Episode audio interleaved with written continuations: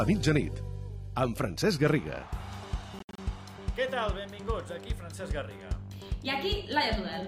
S'acaba el 24 de març i també l'any olímpic. És un no se podia saber de manual, però és que és evident que els Jocs Olímpics no es podien disputar aquest estiu. Avui s'ha decidit posposar-los en una decisió que ha trigat, que ha costat, però que finalment ha acabat prenent el Comitè Olímpic Internacional.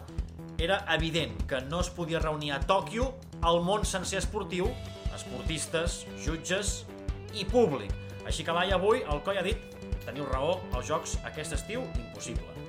Sí, ahir ja us explicàvem, que es donaven 4 setmanes per prendre aquesta decisió, que seria difícil aguantar per la pressió que rebien de diferents eh, comitès olímpics de diferents països, doncs ni una setmana. Avui ja han pres aquesta decisió, ho han anunciat, el COI juntament amb el govern del Japó. De fet, el primer ministre ja no ha parlat de dates, però sí que ha dit que no es disputaran aquest estiu, però tampoc molt més enllà de l'any que ve. S'han de disputar abans que acabi el 2021. Per tant, tot fa pensar que en principi s'hauria de jugar l'estiu que ve.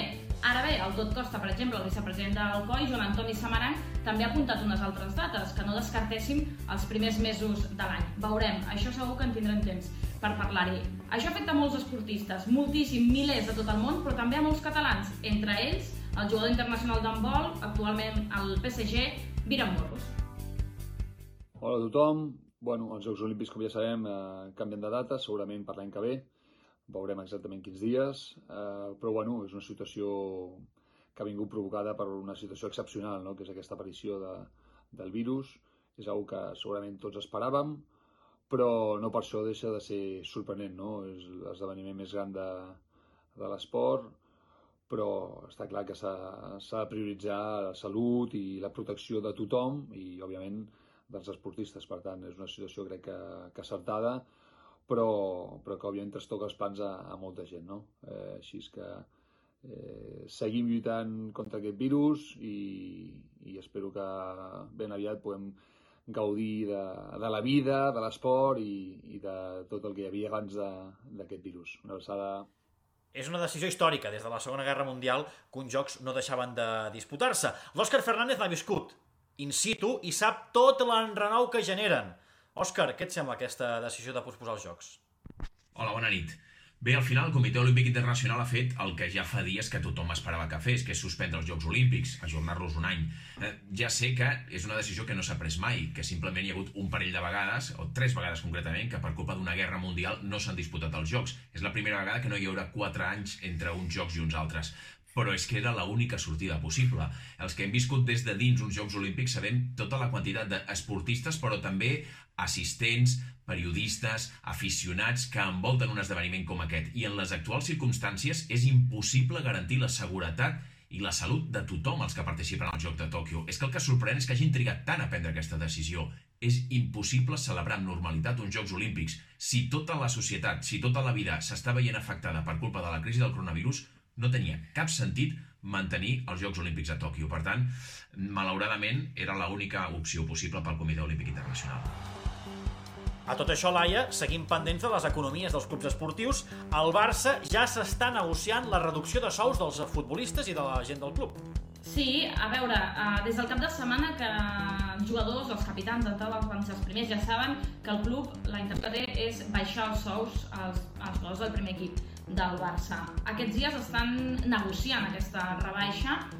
Sí que és cert que la primera proposta que hauria fet el club els jugadors no l'acaben de veure bé, per tant aquesta negociació encara eh, durarà uns dies més, però també és cert que ja hi ha membres de treballadors esportius del club que ja saben que, per exemple, la nòmina de l'any que, de que ve, no, del mes que ve, cobraran menys, estarà retallada. Per tant, aquestes propostes que està fent el club de rebaixar els sous doncs, eh, seran imminents que es posin en pràctica. Una altra cosa és el que dèiem, eh, els termes en què es farà amb els jugadors del primer equip del Barça. I paral·lelament tenim la decisió d'aplicar un ERTO. També avui hi ha hagut, per exemple, una altra reunió on s'ha estat estudiant. És una altra de les iniciatives que el Barça les decisions que ha de prendre el Barça per intentar reduir al màxim l'impacte que té el coronavirus sobre l'activitat econòmica del club explicava l'Ernest Macià, per exemple, que el Manresa ja ha iniciat també un ERTO, per tant això serà una de les notícies que anirem tenint. Anem a buscar bones notícies, que també n'hi ha algunes al voltant del coronavirus, Laia, que són donacions de clubs o de persones directament.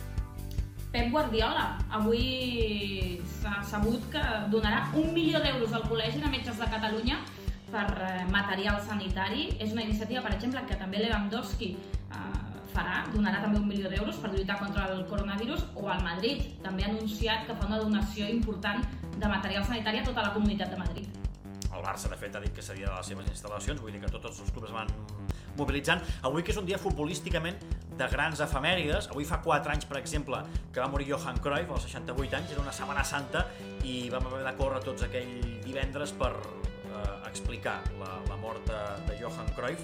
Uh, un dijous, era un dijous. Però a banda, Laia, uh, avui també és un dia pel Barça important en positiu.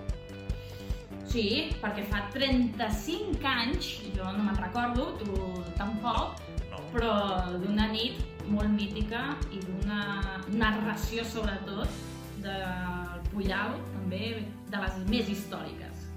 Avui fa 35 anys que a Valladolid el Barça hi va guanyar una lliga. Urruti el pared, mira casi la trapez, Urruti, minut 43 de la segona cap la pilota, Urruti atrapat, Urruti atrapat, Urruti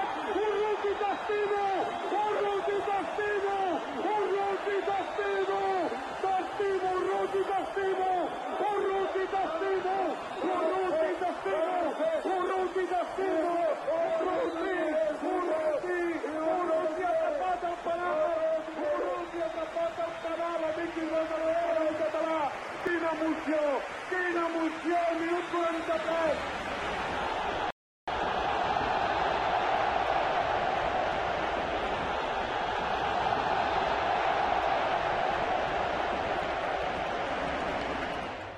Mira que hem sentit vegades, eh? Això, Ruti t'estimo, Ruti t'estimo, ho hem sentit moltíssimes vegades, d'aquelles coses que tant és quantes vegades ho escoltis, però és que a més a més hi ha un col·laborador del Club de la Mitjanit, un dels nostres també, que ho va viure, però d'allò, en primera persona.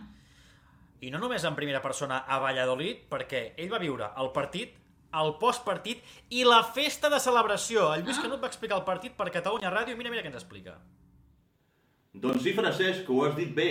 Jo aleshores era qui transmetia els partits de futbol a Catalunya Ràdio, les dues primeres temporades abans de que arribés en Puyal. I aquella tarda del 24 de març del 85 vaig ser a l'estadi de la Pulmonia, al Nuevo Zorrilla, per retransmetre aquell Valladolid-Barça a quatre jornades del final del campionat de Lliga 84-85 per poder proclamar-se el Barça campió de Lliga 11 anys després de la Lliga de Johan Cruyff del 1974. Aquella del 85 seria la Lliga de Benevols, la, la Lliga de Schuster i també la Lliga, sens dubte, de l'Urruti T'estimo. I acabat el partit, t'explicaré una petita anècdota. Vam viatjar, el Barça va viatjar, va fer nit a, a Madrid, a l'hotel Barajas, i van anar a celebrar-ho, van anar a celebrar els jugadors del Barça a la discoteca Pachá de, de Madrid. Allà van anar Urruti, Víctor, Pinch Alonso, Gerardo, Archibald... Bé, la majoria de la plantilla, menys Bert Schuster, que com sempre es quedava a l'hotel. I a l'acabar la festa, un grup de periodistes, un servidor, l'Albert Montagut, el Quim Regàs i el Jaume Mor, vam anar cap a la Cibeles i ens vam fer aquesta foto davant de la musa del Real Madrid amb una bandera del Futbol Club Barcelona. I de sobte, mentre ens fèiem la foto, va passar un cotxe que es va aturar i ens va dir Polacos, apu- apuntaros bien la fecha para la próxima vez que volváis a ganar una liga. Doncs li agraïm al Lluís aquesta anècdota i al càmera, el Max, que és el càmera del Canut, que, que, que l'ha- que l'ha assistit. Uh, Laia, un dia més. Sí, un dia més, un dia menys, no? També seria per, per acabar aquest confinament. Mirem-nos-ho així. Uh, gràcies a tots. Ens podeu trobar a YouTube, ens podeu trobar a Facebook, a Twitter, a Instagram, a tot arreu. Una abraçada a molts petons. Molts petons. Adéu. El